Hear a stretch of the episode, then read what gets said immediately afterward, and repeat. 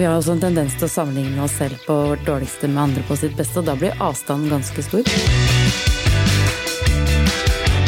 Velkommen til en ny episode av I loopen. Podkasten som gir deg inspirasjon og læring for å holde deg i loopen på jobb. Jeg heter Julie McCarthy, og jeg skal lede deg gjennom dagens episode. Det er november. Det er litt grått og kaldt ute. Kanskje du som lytter har kjent litt på hodepine, anspente muskler, er sliten på jobb eller etter jobb, og så kanskje du har vært litt frustrert i forhold til arbeidsoppgavene du har. Dette kanskje høres ut som en helt vanlig onsdag for noen, men det kan altså være et tegn på utbrenthet. Men hva er definisjonen på utbrenthet? Hvordan kan man forebygge det, og hvordan blir man frisk? Er det noen som er litt mer anlagt enn andre? Dette er viktige og vanskelige spørsmål. Med meg i studio i dag er jeg veldig takknemlig for å ha med to flotte gjester som forhåpentligvis kan hjelpe meg å svare litt på disse spørsmålene. Og da har vi med oss Kristin Klingsheim Vibe, som jobber i consulting her i Deloitte. Tusen takk for at du vil være med oss i dag. Det er bare kjekt. Vi er også med oss arbeidspsykolog Anette Høy Dy. Tusen takk for at du også vil være med oss i dag. Tusen takk. Og da tenkte jeg skulle starte med at lytterne skal få muligheten til å bli litt bedre kjent med dere gjestene her i studio. Så da kan jeg med deg, Anette. Hvorfor er utbrenthet et viktig tema for deg, og hvorfor, hvorfor jobber du som arbeidspsykolog? Ja, nei, jeg jobber jo i Moment organisasjon og ledelse, som er et eh, firma som ligger i Oslo. Så har vi samarbeidspartnere over hele landet. Og vi jobber med arbeidsmiljø og organisasjoner, eh, og individer og team. Så da følger vi opp eh, arbeidsmiljøtematikk, som man jo vet kan bidra og føre til eh, utbrenthet, men også med at team skal fungere, og at hvert hode, hver person skal fungere best mulig. Så for meg så er dette et hverdagstema, noe jeg møter jeg vil si nest, ja, hver dag, kanskje. Mye på stresstematikk. Hva er det å være sliten? Ja. Det ordet ofte man kan kjenne på. Ja. Men det er jo det hvis det har vart over tid, å kartlegge om det påvirker tenkning, sånn at man mm. har problemer med konsentrasjon og hukommelse, oppmerksomhet, sånne type ting. Om man har følelser som svinger opp og ned, man føler en sånn overveldelse, at ting er veldig overveldende. Eh, mm kanskje man også ikke klarer helt å prestere. Og det som er litt sånn typisk med utbrenthet, er jo også at man har kanskje bare over en periode da prøvd å kompensere med å jobbe mer. Mm. Fordi man liksom jobber kanskje litt tregere og kjenner på demotivert, litt Ja, det er vanskelig, da, på en eller annen måte. Ja. Der, uh... Og så løser man det med å prøve å jobbe enda mer, og så blir man mer sliten, så blir det en sånn ond sirkel. Det preger også selvbildet og følelsen av å prestere er jo viktig for oss. Mm. Det er i hvert fall veldig flott at, finnes, at, dere finnes der til å hjelpe folk når man kommer og har disse symptomene og, og plagene. Mm. Jeg tenkte kanskje jeg skulle stille deg, Kristin, litt det samme spørsmålet. Litt sånn, hvorfor er dette temaet så viktig for deg? Jo, nå eh, har det jo seg sånn at jeg har møtt veggen opptil flere ganger. Mm. Så det har vært, eh, har vært eh, egentlig eh, opplevelser som har preget meg ganske mye, da. Eh, og eh, som har vært ganske belastende når det har stått på. Og som jeg da skulle ønske at jeg kanskje hadde eh, gjenkjent mye tidligere, sånn at jeg kanskje kunne stoppet litt opp for min egen del. Og ikke bare det, men også de rundt meg. Og spesielt, kan du si, siste opplevelse med, med familie og barn, da. Ja. Mm. Så, så, jeg syns det er litt viktig å kunne, kunne, dele de erfaringene jeg har, hvis det kan hjelpe andre ja. til å kanskje kjenne seg litt igjen. Eh, så hvis noen kan slippe å gå gjennom det, så hadde jo det vært veldig fint. det er, eh, jeg må si det, at det er så fantastisk at du har valgt å stille opp i det her. Og det er et uh, tema som mange oppfatter veldig vanskelig å snakke om. Mm. Så setter stor pris på det og er sikker på at det, det kan hjelpe andre å høre om dine erfaringer. Jo. Men ehm, ja, snakker om litt åpenhet rundt temaet, da. Eh, og det forhåpentligvis kan jo, kan jo hjelpe. Ehm, da jeg forberedte til denne episoden, så kom jeg over en rapport som viste at tre av fire unge eh, opplever å kunne ha kjent på utbrenthet eller være nær å gå på veggen. Og tre av fire er jo en Altså det er urovekkende tall. Um, vi tok også og spurte våre Instagram-følgere på Deloitte um, om de har noen spørsmål de gjerne vil ha svar på. Uh, det skal vi komme litt tilbake til i episoden, men også spurte vi de har du kjent på utbrenthet. Og der var det hele 86% som svarte ja. Så det er jo en tematikk som er veldig viktig at snakkes om. Um, og opplever kanskje at ikke det alltid snakkes like åpent om det, for det er et litt sånn stigma og, og skam rundt det. Dessverre. Men når man da blir spurt da, hva har du opplevd utbrenthet Jeg var ikke klar over definisjonen av det å være utbrent. Så kanskje, Anette, du kunne hjulpet oss litt med sånn begrepsavklaring? Nei, det stammer jo egentlig fra, fra 70-tallet, hvor man så på omsorgsyrker, og der hvor man hadde mye emosjonell belastning i yrket, da. Eh, og man kjente på at man ble overveldet, det var kanskje høye krav både til eh, å takle egne og andres følelser. Eh, man rakk kanskje ikke over alle pasientene eller alle de barna man skulle følge opp på skolen. Så jeg har vært veldig sånn koblet til yrker som, yrker som sykepleier og lærer og sånn. Eh, hvor man så på at man kanskje fikk en økt grad av kynisk holdning, eller at man ble litt sånn likegyldig, likeglad, slutta å bry seg, da. Mm. At det er litt vanskelig å Man er litt sånn omsorgstrett, og, og empatien blir litt krevende og sånn. Mm. Eh, og at prestasjonen går ned. Men det man ser nå, er jo at, at de senere år så snakker man jo om det i alle typer yrker. Ja. Eh, jeg liker jo ordet utladet litt bedre, fordi det, det betyr at du kan lade opp igjen nå, for det er ja. jo mulig, ikke sant eh, Kristin? Så, ja. mm. så, det syns jeg er litt sånn viktig. Så vi, vi bruker ofte det mye i moment, da, at, at, man kjenner seg litt sånn utlada. Fordi eh, min erfaring er at det er ikke alltid med de fleste så er det ikke alltid det skal så veldig mye til for å måtte starte en positiv spiral som kan gi, gi god hjelp, da. Mm. Og hvis man vet, og jo, du spurte hvorfor jeg ble arbeidspsykolog, jeg syns jo det er et kjempespennende felt i forhold til psykisk helse. Jeg er jo psykologutdanna, og det da ser man jo at den vanligste fraværsgrunnen, sykefraværsgrunnen er jo muskel- og skjelettplager mm. og lette til moderate psykiske helseplager som angst, depresjon, utmattelse. Eh, sånn at det å hjelpe den gruppa der, og hjelpe dem med å stå i jobb, og betydningen av å være i jobb for identitet og mestring og mening og alt dette her, det, det syns jeg er veldig viktig, da. Og ofte så er det jo folk som blir utbrent, det er jo gjerne engasjerte folk som vil mye, da. Eh, og har veldig talent innenfor det å strekke seg og si ja og, ja. og være serviceorientert og kanskje, ja, være litt sånn ordentlig glad i faget sitt også. Eh, så dette kan jo ramme alle typer, for så vidt i alle typer bransjer, og også folk som ikke er den derre ekstroverte eller sånn utadvendte typen nødvendigvis. Men det, det, handler jo om at, at, at, kravene er så store at du blir overveldet, og at kontrollen da går ned. Hvis du da ikke har nok støtte i den situasjonen der, så er du i risiko, da. Så det er en sånn arbeidspsykologisk modell vi bruker med krav, kontroll, støttemodellen. Sånn at det er Krav, ofte kontroll, støtte. Ja, den, ja, det er en modell av Karasek og Teorell fra 90-tallet. Mm. Um, så den er veldig sånn meningsfullt også når jeg snakker med folk som har stress i livet sitt, da. For å se ok, men hva er det mulig å gjøre noe med her, mm. hvordan er det med kravene, er det, er det påregnelig stress du har, eller er det på måte, er det på jobb, er det hjemme, er det er det noe man kan justere opp og ned her, eh, eller er det på en måte mye du ikke har kontroll på i livet ditt.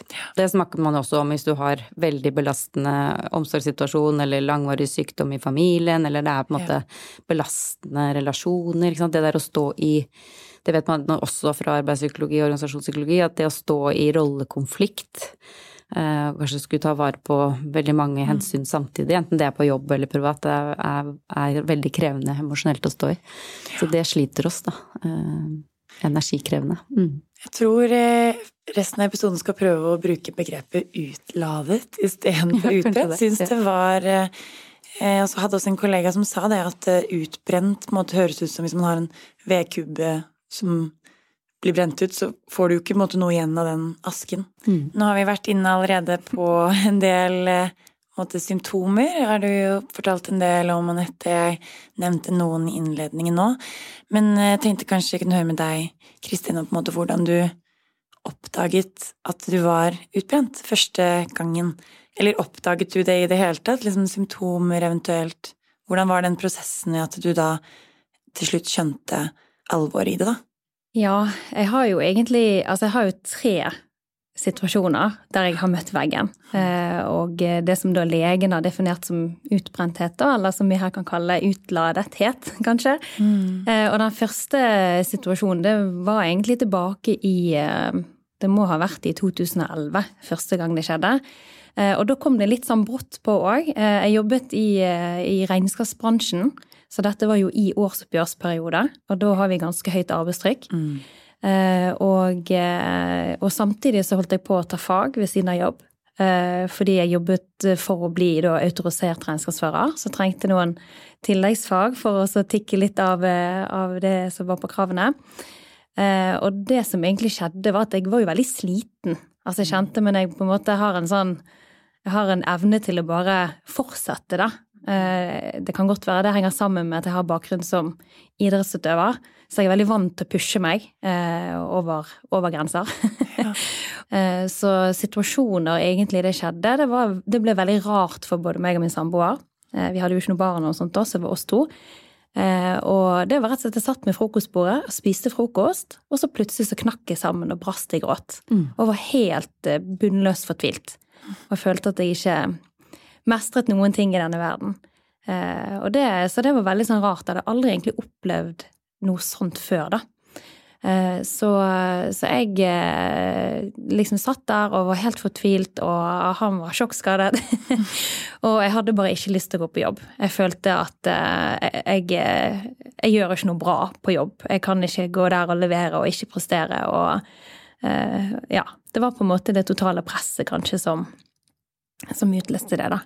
Eh, så det var egentlig første situasjon. Og da endte jeg opp med at jeg var jo egentlig bare sykemeldt i to uker, og så var det jo tut og kjør igjen. så jeg var nok ikke ordentlig utbrent da, eh, for siste, siste runden har vært litt annerledes. Mm. og så den andre gangen, da sto jeg også i en ganske sånn mye mer kompleks livssituasjon, da. For da, jeg, da var min mann, han jobbet på sjøen, så han var vekke halve året og hadde en turnus som var to uker på og to uker av. Eh, samtidig som jeg sto i en veldig krevende situasjon på jobb. Eh, vi hadde noen miljøutfordringer. Eh, også samtidig så, så sto min datter akkurat begynt i barnehagen og var omtrent sammenhengende syk fra hun begynte. Så jeg hadde jo hele, hele den pakken. og da, var det ganske tøft også. Men da hadde jeg på en måte jeg hadde jo min datter jeg måtte ta vare på, da. Og min mann var jo et eller annet sted ute med Bjørnøya, så det var jo ikke akkurat sånn å fly han hjem. Eh, så, så, da ble jeg også igjen sykemeldt, da. Men da hadde jeg samtidig influensa, så da husker jeg jo litt som du sier, altså diagnosen som ble satt da, var jo influensa, og mm. ikke det at jeg faktisk var utledet, da. Ja. Det høres ut som du også hadde en sånn rollekonflikt der i forhold til mm. jobb og familie, som vi snakket om. Det der å mm. stå, stå i, i, spenn da, over tid også. Ja, absolutt. Og det, det gjorde jeg jo fordi at jeg, jeg hadde jo forpliktelse til min datter mm. å ta vare på henne. Mm. Samtidig som vi hadde en utfordrende situasjon på jobb mm. der jeg slet litt med å få, få, mine ledere til å lytte til problemstillingene. Og så endte jo det opp med at det eksploderte jo selvfølgelig sant, på, mm. på arbeidsplassen med veldig dårlig miljø. Eh, og eh, med en undersøkelse som viste at folk var veldig misfornøyd på jobb. Eh, så det var, det var veldig kjipt å stå i. og kan du si, ikke, ikke nå fram. Og igjen da, sant, så føler du at ikke du mestrer noe sted. Mm. Klarer ikke å ta vare på datteren min som er syk, klarer ikke å prestere på jobb. Så ja. Forferdelig følelse. Ja, det var ikke noe godt, altså. Det var det ikke. Men jeg har jo lært veldig mye av spesielt den situasjonen der, da. Mm. Sånn, den første situasjonen var jo mer sånn at ok, ja, nå var jeg bare fryktelig sliten, og så var det tut og kjør etter to uker. Mm. Eh, men den andre situasjonen der, da lærte jeg jo veldig mye om eh, Altså, hvor langt bør jeg egentlig strekke strikken? Er det verdt det? Ja. Sant? Eh, for min datter er det jo ikke verdt det. Altså, det er mer verdt for meg og hun at jeg da hadde hatt overskudd til å ta vare på henne ordentlig, da. Eh, og kanskje, eh, kanskje ikke tatt så voldsomt eierskap til utfordringene på jobb. Og da er du inne på det med verdier, ikke sant. At hvis ja. vi står i spenn med verdier også, og mm. ikke får prioritert det riktig, så får vi jo liksom kroppen reagerer jo på det. Ja, for dette er jo symptomer som, som man kanskje alle kan kjenne på til en viss grad av til daglig. Mm. Og så er det jo å skulle pushe seg helt til randen, da, før, eller når man møter veggen, vil man jo helst unngå. Så er det Hvor på en måte går grensen der på Det er jo veldig sikkert umulig å svare på, men litt sånn Hvilken grad av disse symptomene bør man da begynne å se på som ordentlig faretegn?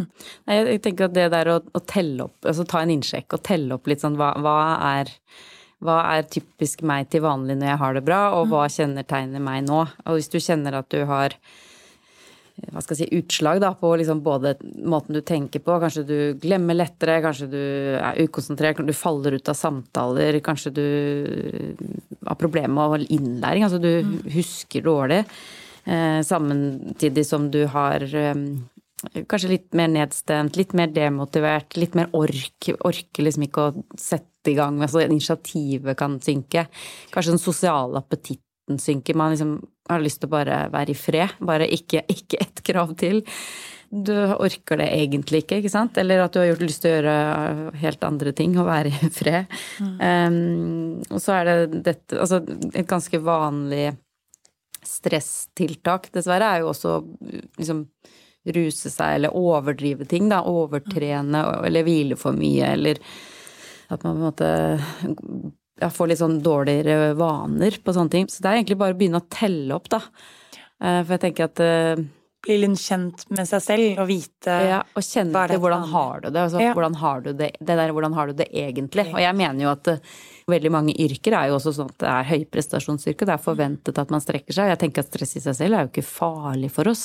Og vi tåler jo det. Det er jo egentlig mangel på avbrekk og pauser og Hvis man er litt god på å late seg innimellom, eller ja. ikke bruker enhver pause på mobilen for å få inn enda mer informasjon på en allerede full hjerne, så er det jo lettere å ikke bli utbrent, da. Det blir sånn med, mm.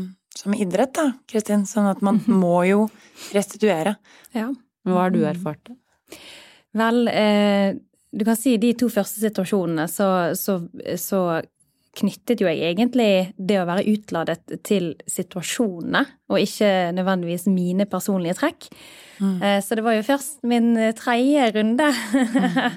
Men da traff jeg jo veggen så hardt at da var jeg faktisk ute i fem måneder. Eh, og det, det var en veldig skremmende opplevelse. Og jeg vil eh, kanskje tørre å påstå at det har kanskje endret meg for alltid. Mm. Litt måten jeg ser ting på, litt måten jeg tenker på.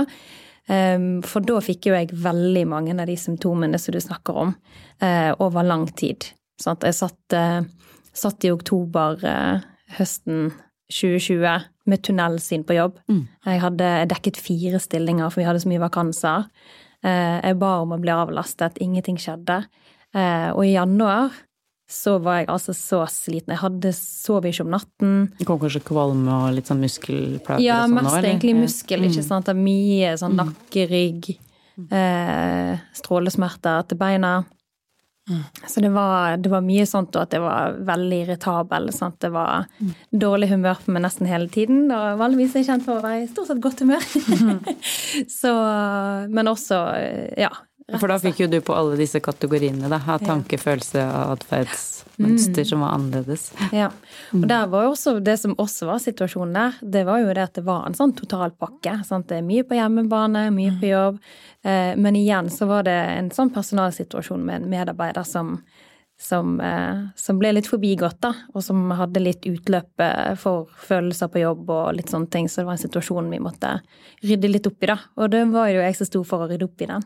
Mm. Så, men så studerte jeg også 50 ved siden av full jobb, så jeg hadde jo liksom bare fylt på med mer. Ikke sant. så er det jo litt sånn vi mennesker er, vi, vi, vi, vi, gjør jo noe helt til vi ser at det virkelig ikke går. Ikke sant? Ja. Så det, da er da endringen, denne liksom andreordensendringen, ordentlige endringen kom, da. Ikke sant. På, oi, ja. ja er, da må jeg endre. Ja. Sånn. Og jeg hadde jo Eh, jeg hadde jo bevisst ikke gått til legen. Jeg visste jo at hvis jeg gikk til legen, så kommer jo legen til å sykmelde meg. så jeg gjorde jo ikke det, for jeg ville jo levere på jobb. Jeg ville jo få disse tingene i mål, for det betød så mye å få ordnet opp i disse personaltingene. Eh, og, eh, og, det som egentlig skjedde, var at jeg hadde så store smerter i, i nakke og ut i skuldrene til slutt at jeg klarte, klarte ikke å snu hodet noe særlig. Jeg satt på jobb og fikk sånn kramper og litt sånn. Og da var det en kollega som sa til meg nå må du ta en tur til legen. Jeg bare ja, men eh, det, det kan jeg på en måte ikke. Jo, nå går du til legen. Og så gjorde jeg det, og han ville jo ta meg ut 100 med en gang. Så sa jeg det har jeg ikke tid til. Ja, men da begynner vi med 50, så jeg kan gå med på 10. så det var en forhandling. Eh, og så begynte vi med de to ukene, da. Og eh, det hadde jo ingen effekt i det hele tatt. Det gjorde det ikke. Så jeg kom tilbake da to uker, så spurte han hvordan de, hvordan de hadde gått. Så sier jeg nei, jeg tror kanskje at eh, det er lurt at vi går til 50. Og da sa han jeg mener fortsatt vi skal gå for 100. Og så sa jeg at nei, 50. Jeg har ikke tid til å gå 100. Eh, og da sa han greit, men da, tar vi, da gjør vi en avtale. Fire uker nå, og så skal du tilbake inn hit, og så skal vi vurdere på nytt. Eh, og etter to uker så tok jeg kontakt sjøl, så sa jeg du har rett, jeg har feil. Nå, eh, nå gjør jeg som du sier, eh, og du bestemmer, på en måte. Men da var, det, da var det jo legen som egentlig var den som eh, satte ned foten for meg, da. Man har jo veldig behov for å ha kontroll, ikke sant. Ja. Fordi du er jo nesten i ferd med å miste den. Ja. Og da tviholder man jo på det. Altså, Ja. Og det var egentlig Det er egentlig Altså hvis du skal prøve å beskrive eh, kan du si, den følelsen av å bli utbrent, da, så er det jo egentlig følelsen av å miste kontroll over alt du holder på med. Sånn at du mister oversikt. Eh, du slutter å tenke klart. Du klarer ikke å prioritere, så du ender opp med at du, du gjør masse jobb, men du gjør ikke de riktige tingene. Sant? Du, du tar tak i det som ligger foran deg. Um, og, eh, og da blir du kanskje enda mer stresset når du begynner å oppdage ting som du heller burde ha jobbet, eksempel. Eller at man gjør feil eller slurver med ting man ja. ikke pleier å gjøre. Ja. Så det var ikke Det var en ganske heftig runde. Så det skremte meg veldig, egentlig, da, fordi at eh, jeg tenkte jo litt sånn at ok, ja ja, men da er jeg på en måte ute de der uke, fire ukene da, etter 100% og så, og så er jeg tilbake igjen, tenkte jeg. Eh, jeg hadde ingen endring etter eh, fire uker. Og han bare forlenget og forlenget, og han sa det at vi endrer ikke på den før eh, du kjenner at du er på bedringens vei. Og han brukte egentlig en analogi som jeg likte veldig godt, når han prøvde å forklare dette med å lade igjen etter å ha blitt så utkjørt. Eh, Og han sa det er som et mobilbatteri. Du bruker kanskje veldig lang tid på de første 80% på det røde. Og så bruker du litt kortere tid på det gule, men det tar ganske lang tid det også. Og så bruker du også litt tid på det grønne. Men det tar lengst tid på det røde når du er helt, helt utkjørt. Ja, da, er man jo liksom litt på minus, så skal du først opp på null, Ja. og så skal du på pluss, og så ha en god buffer. Så det, Nettopp. jeg pleier ofte å si at, det er, at de første 50 er de tyngste, men Ja. kanskje det er de første 80. Det vet Ja. jeg ikke. Men, og, jeg, eh, ja, og i den situasjonen der, sant, dette var jo januar, og eh, jeg var jo egentlig ikke 100 ute før da i februar en gang, egentlig. Eller kanskje starten av mars. Men eh, jeg kjente jo ingen endring før etter to måneder. Det var først på en måte når jeg begynte å nærme meg slutten av april. Altså, jeg var jo kjempefortvilt imellom, at jeg kjenner ingen endring. Men ble du også, for noen blir jo også enda dårligere når de først blir sykemeldt og du kan slappe av og adrenalinet Mm. Etter hvert. For det er det man går på. Man går på adrenalin, ikke sant. Og så Ja. når, når du da roer ned, så er det noen som kan bli enda mer sånn utmatta av det, da, og må hvile enda mer. Altså, stresshormonene er de samme uansett om det er en fysisk belastning eller en psykisk belastning. Altså, stresshormonet er stresshormonet. Så om du går en tur, og kroppen opplever det som en belastning, så er det akkurat det samme som skjer. Og da tenkte jeg ok, så jeg må egentlig bare legge meg på sofaen når jeg er trøtt og sliten, kanskje ikke pushe meg så veldig liksom mye på å gå for mye i fjellet, eller kanskje det holder med å gå og hente posten, ikke sant? Og så begynne litt der, da. Det er litt sånn gradert aktivitetsnivå. Ja. Det er veldig viktig. Hvis det, for nå har du nevnt et par ting, på en måte tiltak du gjorde da etter du hadde blitt sykemeldt, og var det noe du følte hjalp mer enn andre ting? Det er jo, alle reagerer jo selvfølgelig forskjellig, men var det noe som du følte som kanskje kan gi noen tips hvis det er noen som er i samme situasjon, da? Ja, vet du hva, det er egentlig eh, Det er en ting som jeg gjorde. Det satt veldig langt inne hos meg å på en måte søke hjelp, da. Eh, og jeg fikk tilbud fordi jeg hadde vært eh, sykemeldt over lengre tid. Så fikk jeg tilbud fra Nav om ulike kan du si, arbeidsrettede tiltak, da. Eh, og, eh, og da fikk jeg muligheten til å bli med på eh, stress- og belastningsmestring. Ja. Eh, og det som jeg egentlig lærte der, som, som jeg har brukt mye etterpå, eh, det er en beskrivelse av hva er det som tapper deg for energi. Det var en sånn oppgave vi fikk, der vi skulle beskrive litt hva det er som- som virkelig drenerer deg, på en måte. Eh, Så det var egentlig det å faktisk bli visst på det. Altså, hva er det som tapper meg for energi? For det, da har jeg klart å styre det mer sjøl, da. Så, eh, så det har jeg brukt til egentlig å velge bort en del ting. Mm. Eh, men også var det litt sånn fokus på ikke bare de eh, tingene som tapper deg for energi, men også har du mennesker rundt deg som tapper deg for energi. Som du, og spesielt på en måte sånn som for min del, som bryr meg veldig mye om at andre rundt meg skal ha det bra, da, eh, så bruker jeg kanskje veldig mye tid på, på folk som tapper meg mer for energi, som er egentlig ganske sliten etter å ha møtt. Eh, så jeg har også gjort noen litt tøffe valg da, på hvem jeg har rundt meg. Mm. Eh, og det er rart å si det, men jeg har et mye bedre liv i dag. Jeg har det. Men det virker som det å bli kjent med seg selv, da. Mm. Um, grensene sine. Også det også å tillate seg selv, som du sier, å faktisk bare slappe av. Ja, Og ikke prestere. ikke prestere ja. hele. Og det, det, er jo veldig krevende, spesielt hvis man eh, veldig altså, til daglig er i en prestasjonskultur. Og det er jo vi her. Mm. Så, så, um, det å så tørre å være tøff nok til å si at i dag skal jeg ikke prestere, eller bare eh, ta det litt med ro og bare vet hva, dette kan jeg gjøre i morgen eller i neste uke, eller ja. Så det å kanskje bli litt sånn kjent med seg sjøl, som du sier, og klare å identifisere litt hvilke ting er det jeg frivillig har satt i gang og kan velge bort, og hvilke ting er det viktig at jeg fortsetter å gjøre, da. Uh, mm. Det var et spørsmål som kom inn fra ganske mange av Instagram-følgerne til Deloitte. Hvordan, hvordan tar man opp, og eventuelt er det ledere som sitt ansvar til å skulle stille spørsmålene, ta de samtalene, og så Men hvis det er deg, da, hvordan snakker du med, med lederen din? Eh, kanskje, Kristin, når du opplevde dette, hvordan tok du den samtalen med lederen din? Hvordan var, hvordan var det? Ja, jeg gjorde jo for så vidt det i siste situasjon, da. Mm. Eh, jeg sa jo faktisk til han at eh, jeg har tunnelsyn eh, i oktober, og spurte jo om hjelp og hadde til med lagt klar en, en hel liste med arbeidsoppgaver som, som, burde på en måte vært overført, som egentlig ikke var innenfor det som jeg skulle drive med. Mm. Men utfordringen der var jo at det var ingen hjelp å få, da. Mm. Og da er jo jeg på en måte så pliktoppfyllende at jeg fortsetter jo å gjøre jobben. Mm. Og holder ut, på en måte, da. Det er ikke alltid så synlig heller, det er det som er ikke lett å fange opp nødvendigvis. Det er ikke det, så, så, det tenker jeg akkurat det der er litt utfordrende. Så jeg tenker i de situasjonene der, altså Det stiller jo en del krav til at man som leder er god til å se de rundt seg, da. Ja. Det syns jeg det gjør. Eh, og jeg har jo sjøl faktisk vært i situasjonen, altså motsatt vei, der jeg hadde en medarbeider som var i ferd med å bli utbrent. Eh, og da syns jeg det var en eh, Heldigvis at jeg var leder, for da kunne jeg gripe inn, da. Så jeg, jeg tok faktisk fra henne arbeidsoppgaver og ansvar, for hun nektet å gi slipp på det. For igjen, hun var så ei, hun skulle levere på det, men hun var helt rødmossen i ansiktet og fikk utslett og var jo helt Ja. Eh, så det jeg gjorde, var at jeg rett og slett eh, Jeg la det opp eh, som at jeg fikk én inn, så de ble et team. Som hun da kunne bruke, en som var litt mer junior, som kunne lære av henne og jeg håper si, sant? Man fikk litt vinn-vinn i situasjonen, da. Mm. En som hadde lyst til å lære, og samtidig da hadde kapasitet til å, til å overta.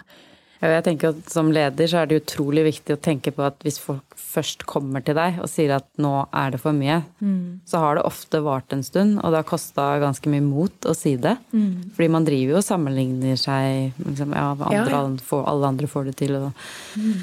så der, og vi har også en tendens til å sammenligne oss selv på vårt dårligste med andre på sitt beste, og da blir avstanden ganske stor. Så Men jeg tror, altså personlig tror jeg kanskje det at eh, jeg tror faktisk ikke jeg hadde møtt veggen siste gangen hvis eh, lederen min hadde lyttet til meg, da. Så er det ofte at lederne jo, har jobba en stund.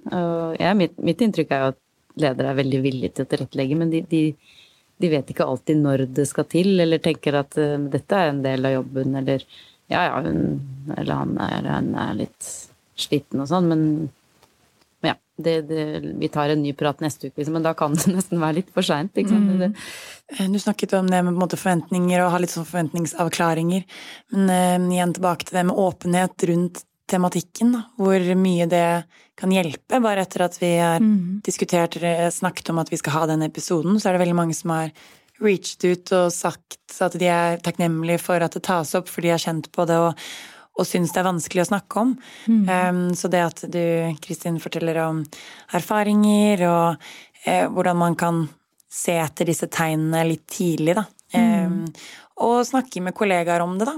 Jeg har snakket med kollegaer om de siste ukene nå, og hørt flere som å ja, er du sliten? Det visste, du, og det visste jeg ikke, det ser ikke sånn ut. Trodde du bare hadde masse, masse energi og kunne Så man, mm. man, sammenligner seg, som du sier, hele tiden med andre rundt seg, og i det miljøet vi har i konsulentbransjen, er det jo høyt tempo mm. og mange flinke folk som man hele tiden sammenligner seg med, og sammenligner sitt dårligste med deres beste, da. Mm. Så hvis man tør å si litt sånn, vet du hva, nå er jeg sliten. jeg eller trenger en liten pause. Hvis du tør å si det, så kanskje det kan hjelpe dine kollegaer. da.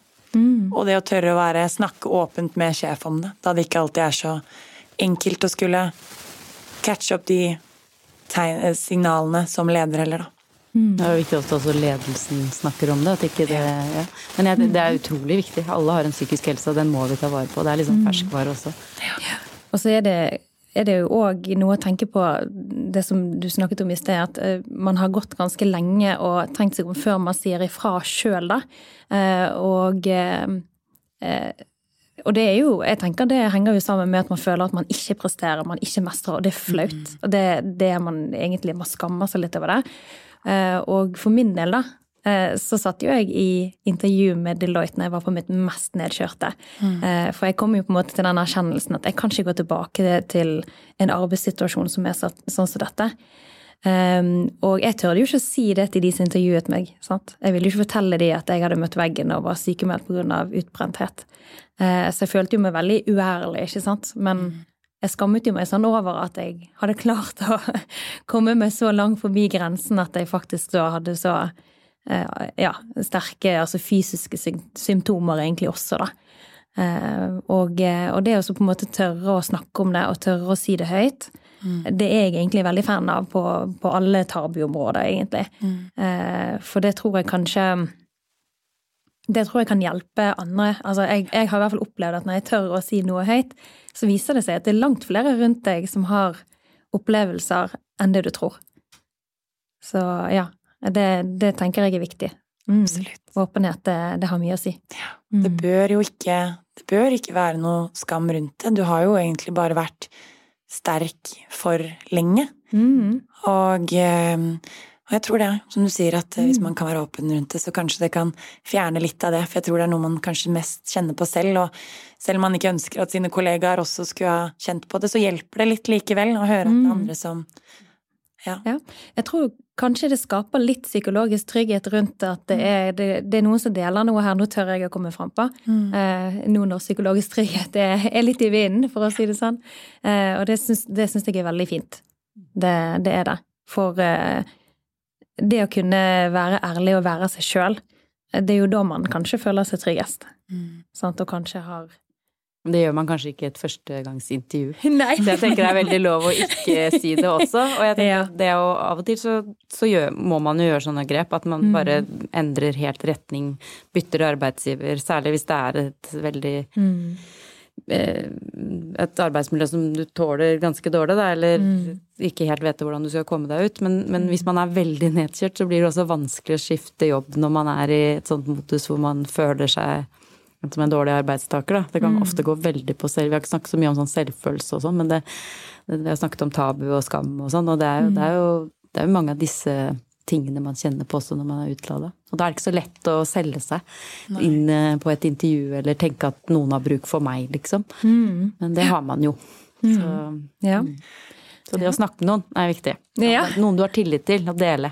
Ja, mm. absolutt. Mm. Jeg eh, kunne sittet her hele kvelden og snakket med dere, um, og setter så veldig stor pris på at eh, dere har kommet i dag. Um, jeg skal prøve å oppsummere litt, da, hvis det er mulig i løpet av samtalen vår. Men sånn eh, for enkeltindivid, bli kjent med deg selv og kjenn litt på hvor sliten du er. Disse symptomene vi har snakket opp, er nok noe alle kan kjenne på til tider, så det betyr ikke nødvendigvis at du er utbrent, men kjenn på deg, bli kjent med deg selv og finne ut hvor den grensen er. Eh, og husk at du ikke alltid må prestere.